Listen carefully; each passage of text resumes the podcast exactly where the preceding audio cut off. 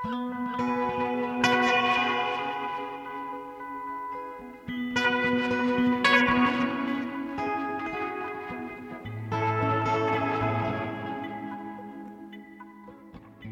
og sæl, kærlustendur, Jóhannes Ólafsson og Halla Harðardóttir hils ykkur úr hljóðstofu Víðsjár miðugdægin 29. mars. Það er aðeins eitt á dagskrá í þætti dagsins og það er svipmynd af listamanni. Melanie Ubaldo fættist árið 1992 á Filipsegjum en býr nú og starfar í Reykjavík. Hún útskrifaðist með masterskráðu í myndlist frá Listaháskóla Íslands árið 2022. Melanie hefur tekið þátt í ýmsum síningum hérlendis og erlendis og eru verk hennar í eigu helstu sapna landsins. Melanie hlaut styrk úr styrtarsjóði Svavars Guðnasonar og Ástu Eiríksdóttur fyrir efnilega listamenn 2021 og hún hlaut ásand félögum sínum í listamanna þríekinu Lucky 3 kvartningavellun íslensku myndlistavellunna í fyrra. Verkmælani eru oftast sjálfsæfisöguleg og varpa ljósi á heim Íslandinga af erlendum uppruna á fordóma, misrætti og haturs orðræðu. En einnig kvennamenningu, uppeldi, tengsl, heimili og minningar. Hún notast við fjölbreyta miðla og verkannar eru oft stóri sniðum. Hún hefur mikið notast við textil, samansauðmið málverk, texta og arkitektónískar innsetningar. Melanie er pólitísk og beitt í verkum sínum en á sama tíma eru verkin fingerð og oftar en ekki fögur á að líta sem er kannski ekki tilviljun því að Melanie segir starf listamannsins felast í því að færa heiminn. En við skulum byrja því að heyra fyrsta lægið sem Melanie Ubaldo hafði með sér í farteskinu.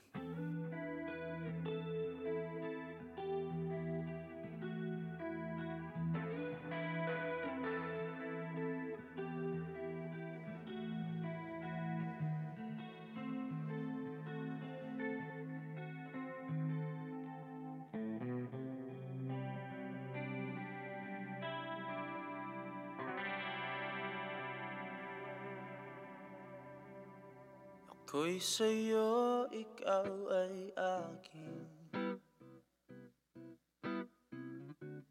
Ganda mo sa paningin. Ako ngayon'y nag-iisa.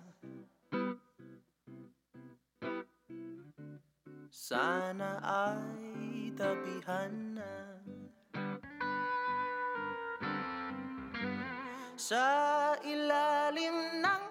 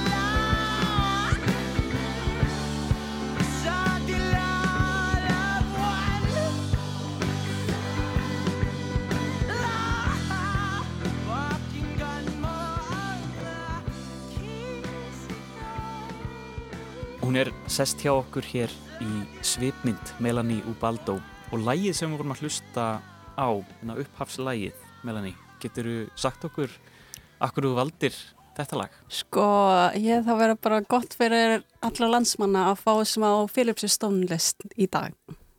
Fyrsta lagi sem ég valdi heitir Buan eða sem þegar tunglið á Philipsisku og það er hann Juan Carlos sem syngur honum, syngur hana og sko ég, þetta var bara lag sem ég heyrði þegar ég kom í fríi fyrir nokkrum árum heim til Philipsar og þetta var bara, bara algjörlega svona algjör mím moment í gangi á Philipsar með þessum lög, það er þetta bara eitthvað sem fyndin sem ég tengis með þessu lög þótt að þetta er bara mjög romantisk og mjög dramatisk svona ástarlag. Mm. leggur við sko. Er þetta ástfangi fólk og, og tunglið? Já, og líka fólk að taka þetta sérstaklega í karaoke með alls konar svona sveiflum, sko. þannig að það er bara, já, þannig stemning í kringum þessi lag, þótt að hann sé mjög svona heavy og bara mjög dramatísk. Já.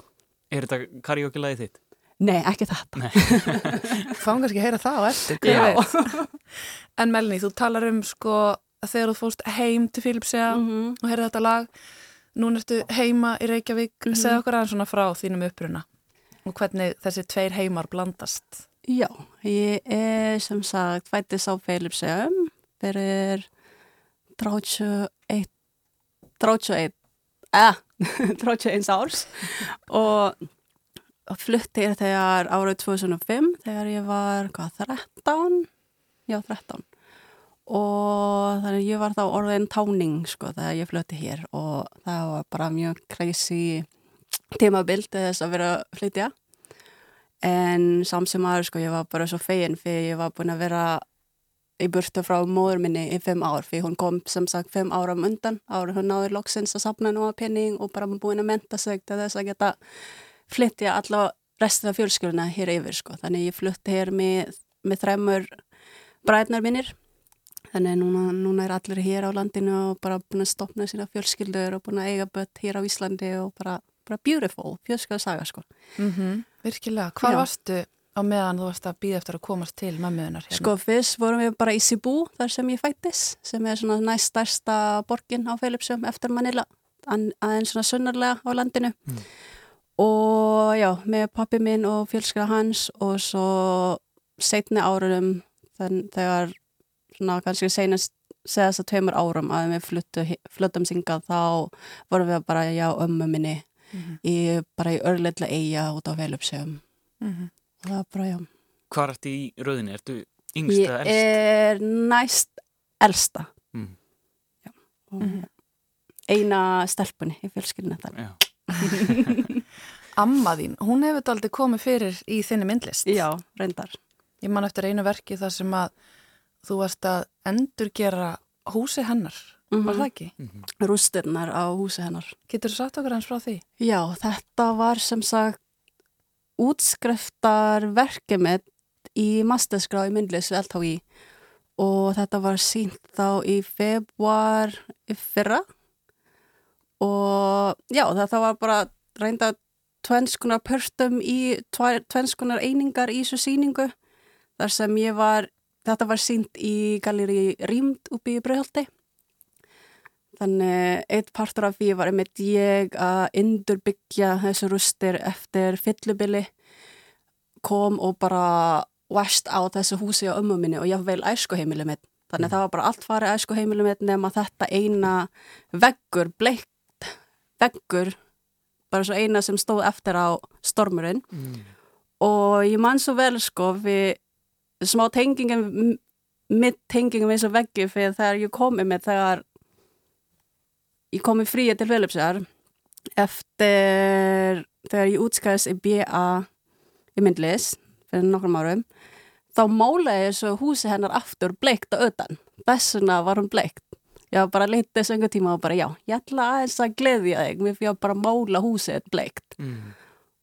og svo bara ömmu minn dó og svo bara sam, stödd eftir þá var bara húsi hennar bara farið líka þannig það var bara smá saman þess að tengingin minn með landinu sem sem ég fættis er bara smá saman bara á hverfa Mm. að einhvern fólk að deyja eða bara náttúruhamfarir að eyðilega allt Mm.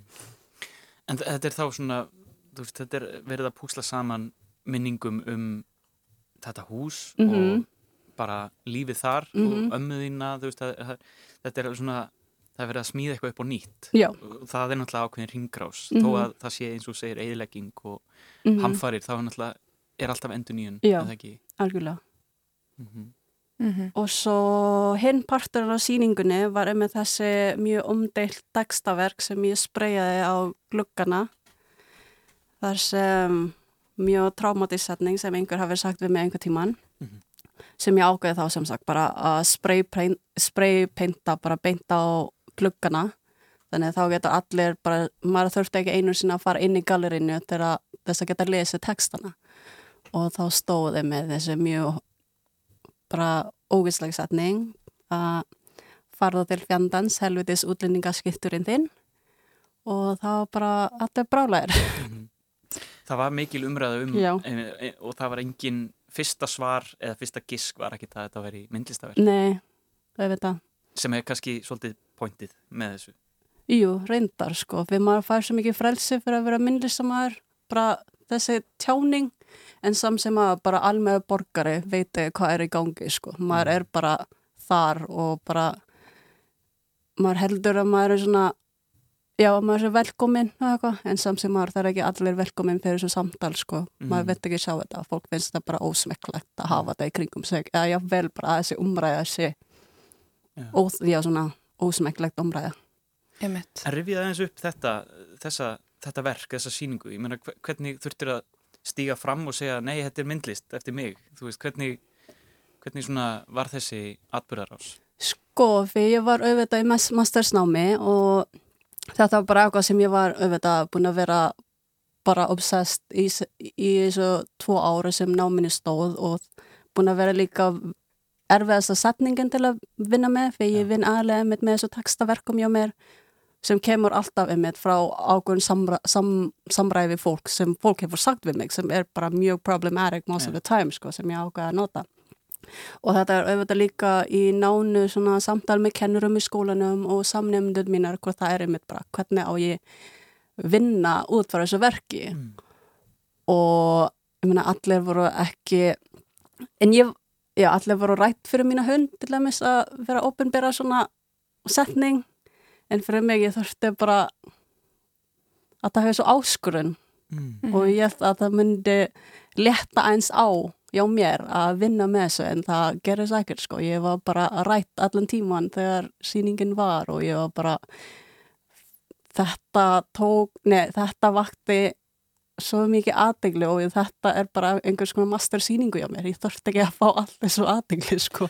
Þannig að, þannig að tilgangurinn hjá þér var þetta aldrei svona að upplifa eitthvað svona persónlega hreinsun. Að hreinsa þetta út bara og, og, og reyna að loka þessum ring. Já, en eins mikið og fólk talar um svona art therapy eða eitthvað þannig dæmi, það er samt, það gerir samt ekki sko. Mm Við vandamálið er ennþá hana. Það er bara svona smá fimm sekundar losun eða algleimingu þegar maður er að vinna í verkinu en samt sem maður, það er bara vandin er ennþá til staðar. Ég meina Mhm. að gera eitt þannig verk er ég ekki að fara að finna laust á rasismi til dæmis. Nei, en þú vakti svo sannarlega aðtekli á honum með mhm. þessu verki og magna að sjá svona setningu sem að er ræðileg og varpað þarna upp fyrir allra augum og einmitt svo stert að hafa þetta sko út af við Mhm, úr gallerínu. mhm, mhm. En þessi setning er eitthvað sko, er rétt, þú hefur verið að sapna setningum alltaf Mhm. í dagbókina þín, það ekki, gegnum tíðina, bara Mhm. alls konar setningum. Mhm. Byrjar að snemma að skrifa, þú veist, hafa dagbækur alltaf verið hluta þín lífi? Það er að, kannski ekki aðalega svona dagbækur, heldur bara svona skissubók. Já. Þannig, já, geng, ég er alltaf með skissubók með mér í töskunni eða stundum er svona með minnsta svona mólskinn sem hægt er að fá sem skemmst á bara í rasvasunum sem er mjög sniðagt. En stundum líka bara þá tek ég bara símanum og punkta nýra á nót sko. Eða Mhm. hvað. -hmm. En sko, þessi textaverk, og þá vinnur mjög mikið með textaði mitt. Mhm. um, hvað hérna, hvenar byrjaður svona að punkta þessar setningar hjá þér og var það bara, þú elst upp þarna og kemur 13 ára til Íslands, Mm -hmm. rosalegu tími til að flytja nýtt umhverfi, ólíkt umhverfi. Mm -hmm. Hvernig var þetta? Var það stuttu síðar sem þú byrjar að skrá þessar hugsan niður eða? það var reyndar ekki fyrir en ég var í fyrsta árinu í BA í LHI sko, þar sem reyndar mjög fyndi hvernig ég byrjaði að nota þessu setningar. Fyrsta svona textaverkið sem kom í, í þessum málverkum hjá mér var með eitthvað sem vinkona minn sagði bara in passing sko, sem ég herði, sem ég þótti bara fyndið en some problematic fyrir fá mjóka vinkuna sína að segja það. Og þá sagði hún einmitt bara þegar hún var í samtali við einhvern annað í mötuneyti skólans og ég var bara einmitt lappandi þá sagði hún bara já Melanie, she's more Asian than me. Það ég veit ekki hvað það þýr sko. Hún er asískari en ég. já, Já. Og já hún, Já. var, hún er sem sagt svona hún er frönsk en samt svona er af kynverskum ættum ég man ekki hvað hann fættis á Fraklandi eða úti en já, Einmitt. En þannig er allt í hennu verið bara að það er alltaf einhvers svona hýrarki með kynþáttum. já, já, já, vel milli okkar líka Mhm. milli okkar, já Einmitt. Þannig að fannst þið myndlistin gefa þér eitthvað svona tæki og tól til að takast á við allt þetta sem þú hafði verið að upplifa út á talar um að byrja að, byrja að vinna með þetta bara í bíanáminu fyrst. mm -hmm. Þú veist, var myndlistin eitthvað leið til að takast á við þetta alveg um leið? Eða hvernig ferðu inn í myndlistina upphálega? ég, ég þótti bara gaman sem sagt að mála og teikna og alls konar búin að vera í því bara og tók reyndar svona ákvörðin svona öðru árinu í MH að já, ég ætla bara að vera myndlistar, myndlistamæður að það, mér finnst það svo mikið svona frelsi í því. Og þetta mamma mín var ekki samanlega í og vildi frekar að ég gera eitthvað annað og já, það var bara þessi águrinn sko, bara já, ég ætla að vera myndlistamæður og því ég get verið who, whoever I want sko, ef ég var myndlistamæður Mhm. Þannig að málverkið er svona... Það var byrjunin, sko, Já, já. já. Mm og, Og- þetta hefur sem bara þróað í gjörningar innsetningar Mhm. og alls konar sko Áttur þau eitthvað fyrirmyndir í myndlistinni þarna? Sko, það reyndar í yngri árum, það er reyndar bara þessi risa hvítar kallar í myndlistarsögunni, sko, sérstaklega kringum svona, svona abstrakt expressionismi, Polo, Grothko, bara, og sen kannski Ansem Kiefer eða George Baselitz, bara hvítar kallar að mála risastóru málverk. Mm. -hmm. og það er mitt kannski minn draumur þá bara ég ætla bara að gera stærsta málverk sem ég gæti gert sem ég reyndar að reyna að gera það núna Já, hefur, vera næstu sýningu en þú hefur verið að vinna við, með mjög stór verk Já þannig að Mhm. það er kannski bara einhver ástæð þarna Já, líka. En hérna, talandi um mömmu þína Mhm. vegna þess að hún var einmitt þú notar svo mikið minningar og fjölskyldina þinn í verkunum, hún Mhm. var einmitt hluti af verki sem að var held ég úr bíanámiðinu þar sem að þú saumaðar saman öll málverkin sem þú hafi verið að minna, vinna með Mhm. Og notaði svo setningu frá mömmuðinni segja okkur hans frá því vegna þess að það tengir þessum vombriðum hennar. Já, með- þína leið í lífinu. Já, þannig ég sauma fyrir útskriftaverkið mitt í bíanáminu þá ákvað ég að sauma saman öllum málverkum sem ég er búin að gera í sér 30 ára sem náminni stóð og skrifa sen setningin sem hún sagði við mig um leið og ég leta hann að vita að ég, ég kom sen í alltaf ég alltaf að fara í myndlistanámi og þá sagði hún Melanie, I'm very disappointed in you þannig ég skrifaði á útskriftaverkið mitt þannig það er bara algjör svona ringrá sko. Jó, þú kannski þýðir þetta fyrir lustendur Já, ég er... Uh, var fyrir miklu mónbröðum. Já, hún var bara mjög, vonsveikin. Já. mjög vonsveikin sko. Hvernig líður henni núna með þetta allt saman? sko ég það, hún er bara frækjar stolt núna en á auðvitað ennþá erfitt að skilja hvernig ég geti búið, búið á því að vera myndlistamæður, hvernig ég afla mig penning og eitthvað það er bara mjög skiljanleg sko. En, en er það því að þú veist myndlistinn er einhvern veginn ekki vinna eða, eða er hún bara fyrir hvíta kalla? Skilur þú hvað? Já, það er bara þessi, þessi heimur sko, er bara eitthvað sem hún hefur aldrei hugsað sig fyrir. Já. Þannig þetta er svo svona eitthvað sem er mjög fjarlægur henni þannig hún veit ekki hvernig það er sem sagt að, að reyna sér að koma sér í, svona, í sköpun eða eitthvað. Mm. Hún er þetta manneska sem hefur þurft að strita mikið Já. til að sjá fyrir ykkur allt sitt líf Já. og kannski verðist myndlistin ekki vera kannski besta leðin til nei, að sjá fyrir fjölskyldinni Nei, það er bara, já mm -hmm. Emmitt, heyrðu, ef við að setja eitt lag á fónin aðra við höldum áfram mm -hmm. Melanie, við setjum hérna smá stuð og svo segir okkur akkur þú valdir þetta Já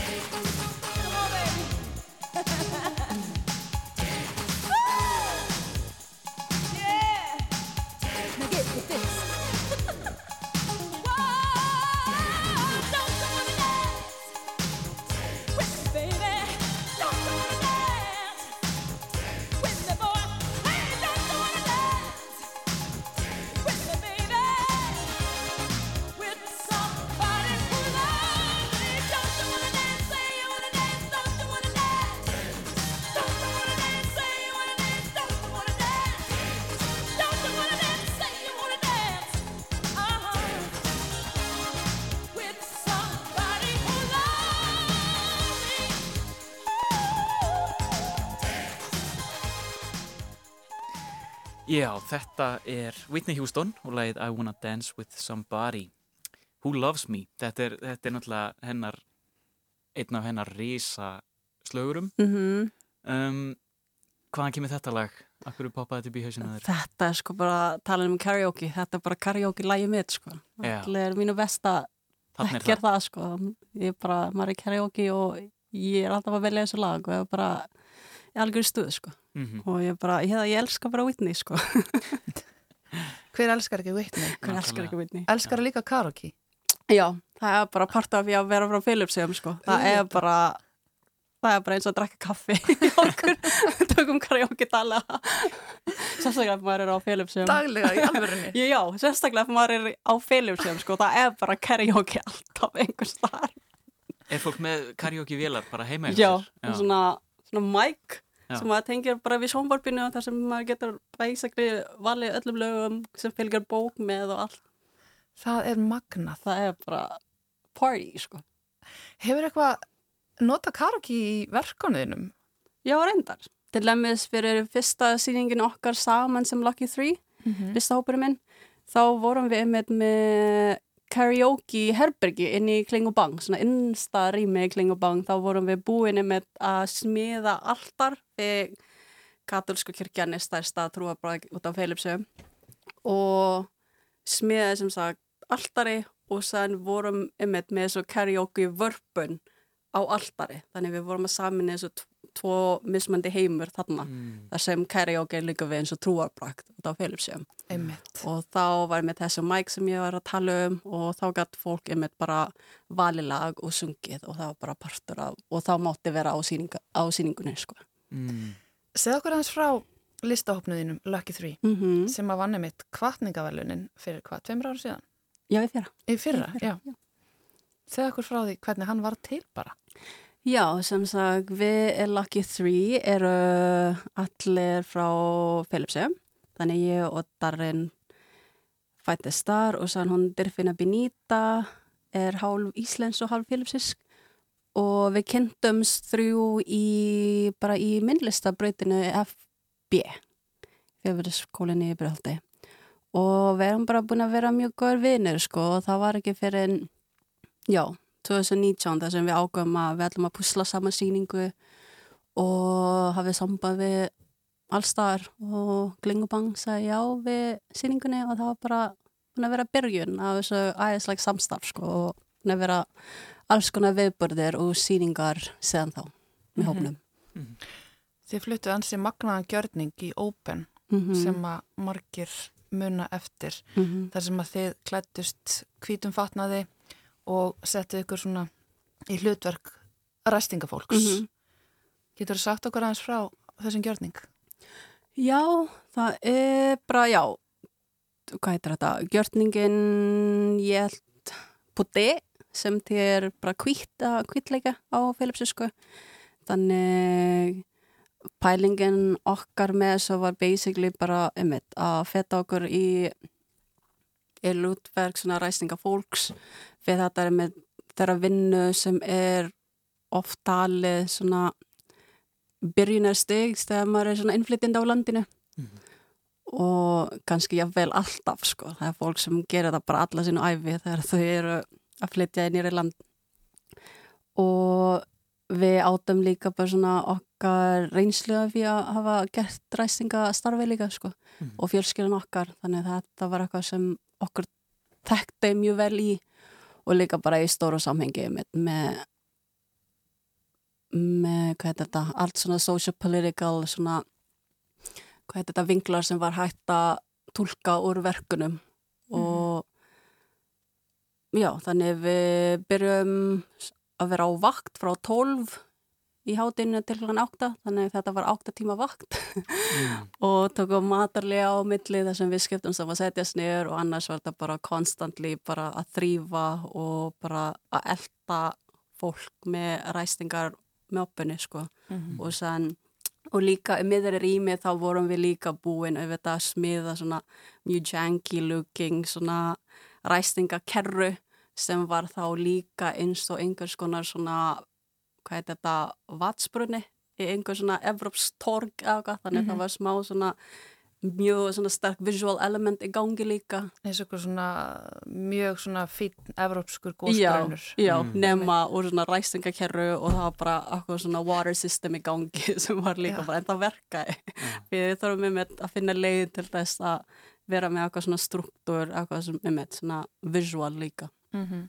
En þið voru hvít klætt, sko, eh, ég fæ aftur svona e- einhverju svona trúarlegu, Mm. trúarlega tengingar. Þannig er líka verið að tengja saman, sko, trúabrögð og svona eh, eitthvað verallegt og, og eitthvað svona mjög svona hverstagslegt. E- eru þið mikið að hugsa um þetta? Eitthvað svona, e- einhvern heilagleika? Ganski ekki, ekki sérslega eitthvað svona heilaleika en við reynum samt sem ára þegar við vinnum saman að að vinna í eins mörgum áttum og hægt er sko, þannig að skilabóðin er ekki einsleit, Mm, þannig að það er allir sem geta fengið einhvers konar upplifun úr þessu. Akkurat. Einmitt. Mér finnst þú vera daldi í því sko að þú, þú nýtir þér reynslu sem oft er neikvæð Mm -hmm, en þú umbreytir henni í verk sem eru alls konar mm og oftast mjög falleg. -hmm, Þú veist, þessi, þessi textílverk sem þú hefur verið að gera og þessar, þessi verk sem eru svona hálgerar arkitektúr, svona innsetningar sem það gengur inn í, -hmm. það er ykkur oft svo mikil fegur í þessu. Finnst þið þetta vera mikilvægt svona að reyna að umbreyta því ljóta í fallegt? Jú, ég menna að vera myndlistamann, það er bara starfið fyrst í því að fegra heimurinn, mann ég segja, sko. Eins leiðinlegt og ástandið er. Það er alltaf hægt að finna hið ljóðræna eða the sublime eða jafnvel í einfallleikanum eða í allt þessu banality, það er enda eitthvað falleg og það er hægt að finna fegurðinu öllu og ég hef það er bara það sem ég, var- draumurinn verið með þetta deila við eða reyna að koma í framfæri. Einmitt vegna þess að sko svona pólitísk list verður ekki alltaf, þú veist, er ekki alltaf falleg, það er ekki alltaf Nei, tilgangurinn að þú verist vera svona, kannski bara jákvæð og, og bjart sín eða hvað. Hvaðan kemur þetta að geta hort á heiminn svona með þessum augum? ég meina þess að geta haldið áfram þá með bara að spita lóan og gera eitthvað jákvæður því, sko. Já, Annars það er bara hundleirlegt að vera bara að vera að victimæsta sjálfum sér og bara allt er eitthvað. Ég er bara ekki þannig típa, sko, þannig ég er bara, vilt ekki að líta á þessum fórnalamb. nei, En þessi, þú ert mjög pólitísk, var það eitthvað ákvörðun að fannst þér þú þurfa að vera það? Sko þetta var mitt samtal sem mjög góð samtal með kennurum í bíanáminu. En alla fyrir mig þar sem mitt identity er, er með þessi intersectionality, þar sem ég er kona, ég er litað og mitt identity er bara Þín sjálfsmynd byggist á því að vera að lituð vera úr minnilötahópum Já. og allt minn reynsla livsreynsla er alltaf ákveðin er alltaf afleðingar afleðing um þessu identity. Þannig og ég kýs að vinna út frá þessu fyrir það er bara einmitt, eitthvað sem mér finnst eitthvað inspirandi fyrir mig, eitthvað efni fyrir mín sköpun kannski að the end of the day er ég kannski bara að exploita sjálfa mig, allar mínar tráma og eitthvað. En ég það er eitthvað sem knúir mig áfram í myndlistinni sko. Mhm. Það hljóma þá eins og það séu svona, svona tvö markmið einhvern veginn, bara að það séu sko, þú ert að nota myndlistina bæði til þess að sjá fegurðina en líka til þess að vekja aðtikli á kerfisbundum rasisma eða svona ljó- ljótari hliðum samfélagsins. Algjörlega, Þannig að eru sko. þessi tvö, svona, stólpa, tveir stólpar. Já. Já.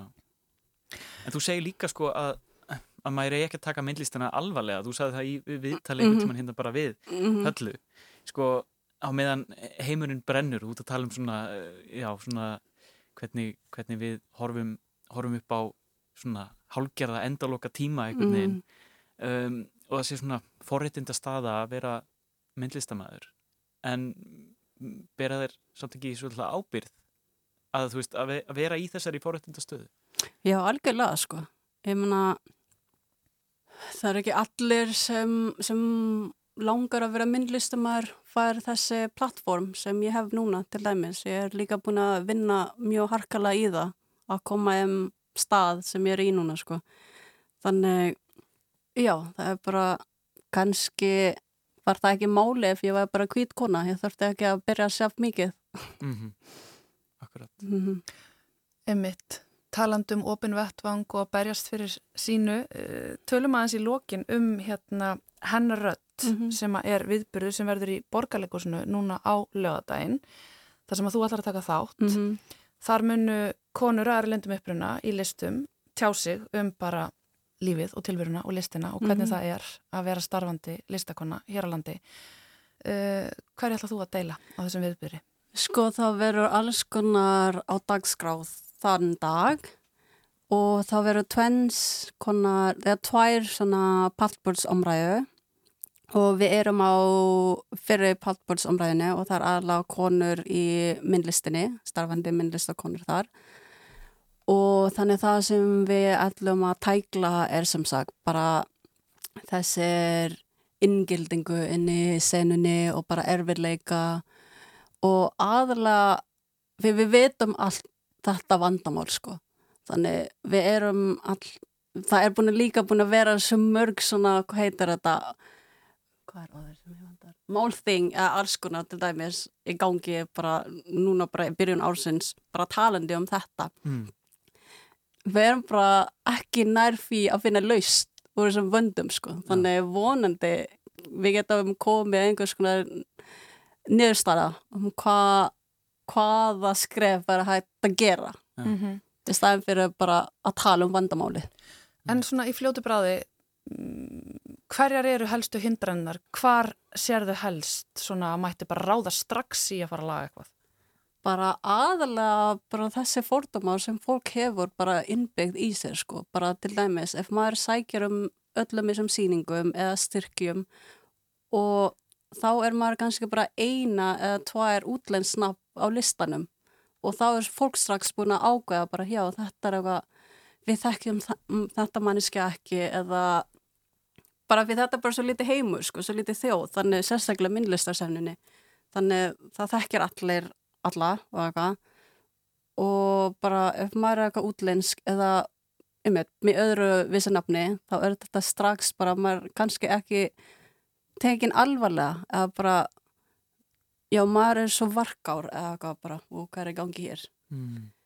og ég meina það er smá saman að breyta núna. En samt sem áður sko við erum við erum bara ekki búin að læra neitt, Þrátt fyrir öll málþingin. þrátt fyrir öllum áþingi Það þarf bara að halda fleiri málsing. Nei, kannski er það einmitt ekki það sem, sem virkar e- eingöngu. Það er að gera það líka Já. að sjálfsögðu. Já. Og, en svo þarf kannski einhvern veginn að bretti bermar. Láta verkinn tala. sko núna er það svo, á, svo ábyrjandi í umræðinu núna og það er mjög skiljanlega líka sko fyrir okkar sagan Íslands með innflytjenda hópar til dæmis er svo ung. Þannig til dæmis fyrsta innflytjendur sem kom hér til dæmis frá Asu eða öðrum löndum var kannski during the 70s eða 60s þannig núna er þessi kynslu búin að börnin þeirra er nú orðin föllurinn að kannski á mínum aldur og komin í vinnumarkaði eða búin að menta sig. Þannig núna er það bara áberandi umræðinu fyrir núna erum við að krefjast að vera ekki þakkað eins og fóröldra okkar sem voru bara mjög glaðir og bara mjög þakklátt fyrir að actually eiga vinnu. En við viljum fá betri vinnu aðstöður. Það er alveg það. Og bara, já, að við, við erum búin að leggja vinnuna, við erum búin að menta okkur, við erum með sama qualifications allir hinnir og en samt sem áður það er bara maður er bara ekki tekin alvarlega eða Hvernig fannst þér til dæmis uh, umræðan eftir hérna, Madame Butterfly sýninguna? Hvernig, þú veist, fannst þér það afhjúpa eitthvað nýtt eða var þetta bara eitthvað sem þú vissir? þetta er mjög fárvænleg dæmi sko ég er bara þetta, þetta ítir bara fram á yfirborði allt þetta kynvis, kerfisbundin svona rasismi og fordómar sem er í gangi í samfélaginu sko Mm Þannig að það Og- býr einhvern veginn undir, eða veist, Já, og bara það sem ég er bara brjáluð út af þessu, sko, þannig ég er bara já, ég skil bara ekki á hverju svona almenn svona risastofnun eins og óperunni, íslenska óperunni getur ekki bara axla óperuna fyrir þessu ákvörun bara í álverinu þegar þau mætta til borðs og var ákveð þessu síningu eða þessu óperu var í álverinu enginn í herbyrginu sem fekk bara, já, eða fekk þessu tilfinning að það er eitthvað á skeið hér og það er, Mhm. það er, það er það sem ég skil ekki, sko, með allt þessu umræður sem er í gangi, bara ekki bara hér á landinu, að ég meina það er ekki jafn mikið hér á landinu og allstaðar í Evrópu og í bandarækjunum Mhm. og líka svona, einmitt, bara bara svona myndlistinni eða öllum þessum svona skapandi greinum við erum alltaf að tala um við erum svo progressive en samt sem var að the end of the day við erum það ekki sko Mhm. Einmitt. þegar þetta gerist Mhm. Þú meinar að listin eigi að vera framsækin við segjum þess að vera mjög framsækin og mest progressive á, á öllum en samt sem að við erum alltaf mm að mistega okkur. Og hvað er að gera þegar við mistigum okkur? Bara að vera bara tilbúin að segja bara já, ég gerir mistak þar og það er ekki nóg að segja bara gera betur næs fyrir það er svo easy að segja bara gera betur næs en actually að gera það Mm. og taka skrefið ég meina að það er easier said than done sko þannig að ég er ekki með lausnin ég. Einmitt, en kannski bara líkiletrið að, að tala um það, já, byrja þar. Einmitt. Mhm. Þið ætla að gera það allavega já, á lögadaginn Mhm. á þessum viðbyrði hennarödd bara hvetjum alla til að mæta á þann viðbyrð Mhm. Við erum farin að nálgast hérna lók þáttar Já. búin að sitja hérna með þér í löngspjalli melni Ó. og Baldó, ótrúlega gaman um, áður en við heyrum loka lagi sem að þú hefur valið þá erum við með um, við erum vönið að vera með svona smá hraðaspurningar í lokin Já. af uh, Prúst spurningalistanum Hver er þinn mesti ótti? Mm. Oh God, þetta er erfitt. Snákar.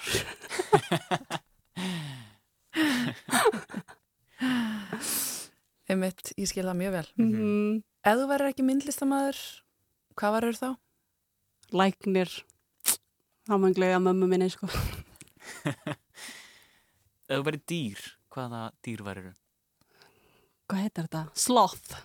Letidýr. Letidýr. Já, það er ljúft líf. Frábært. Mm. Erðu, Melanie og Baldó, takk fyrir að vera með okkur inn í svipmyndi viðsjá. Uh, loka lagið, hvað fá að lusta? Já, þetta er hún Moira de la Torre með Paubaya. Eða það þýr, ég veit ekki hvað, það heitir Leifi á íslensku. Já, ís, nei, hvað heitir þetta? Philipsiska minn er ekki eins góð lengur. En já, það er ennþá, það gleður mig smá ennþá í hjartanum þegar ég lusta, fyrir það er ekki alltaf sem ég lusta á Philipsis lög, sko.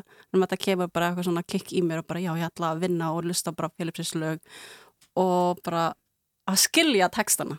Ég finnst það svo mikið sigur, sko, fyrir ég er ekki tjálfuð og ég tala ekki Philipsis sko dæla að tali, þannig ég er bara má montin þegar ég actually skil hvað er í gangi á þessum lögum.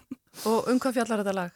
Þetta er bara mjög svona basic ástar svona lög sko, mjög svona algjör svona balladtípu, bara smá Whitney kannski, en ekki eins svona dancing dæmi. Já, það er alltaf stutt í vitni. Já, en, Akkurat. Ekki bara hlusta á það og... Hlustum á og það. mm. Takk fyrir okkur í dag. Takk fyrir.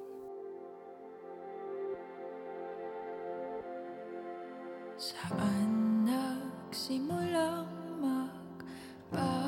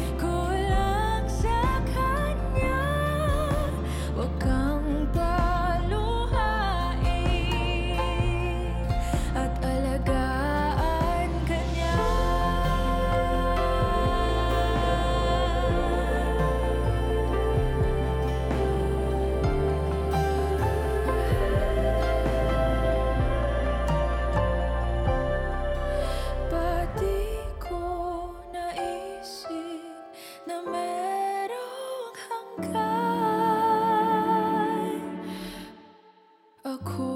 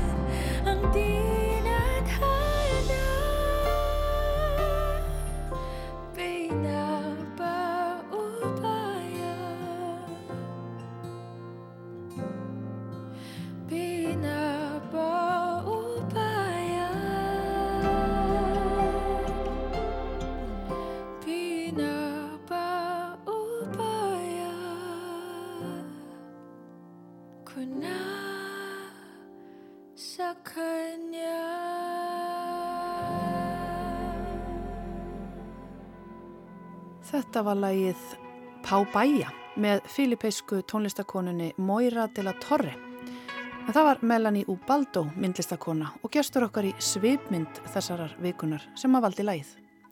Við bendum áhuga sömum að það er hægt að sjá enga síningu Melanie um þessar myndir í Galleri Guðmundsdóttir í Berlín og einnig vinnur hún að enga síningu í Sneak Peek opinni vinnustofu í Grifjunni í Ásmundarsal.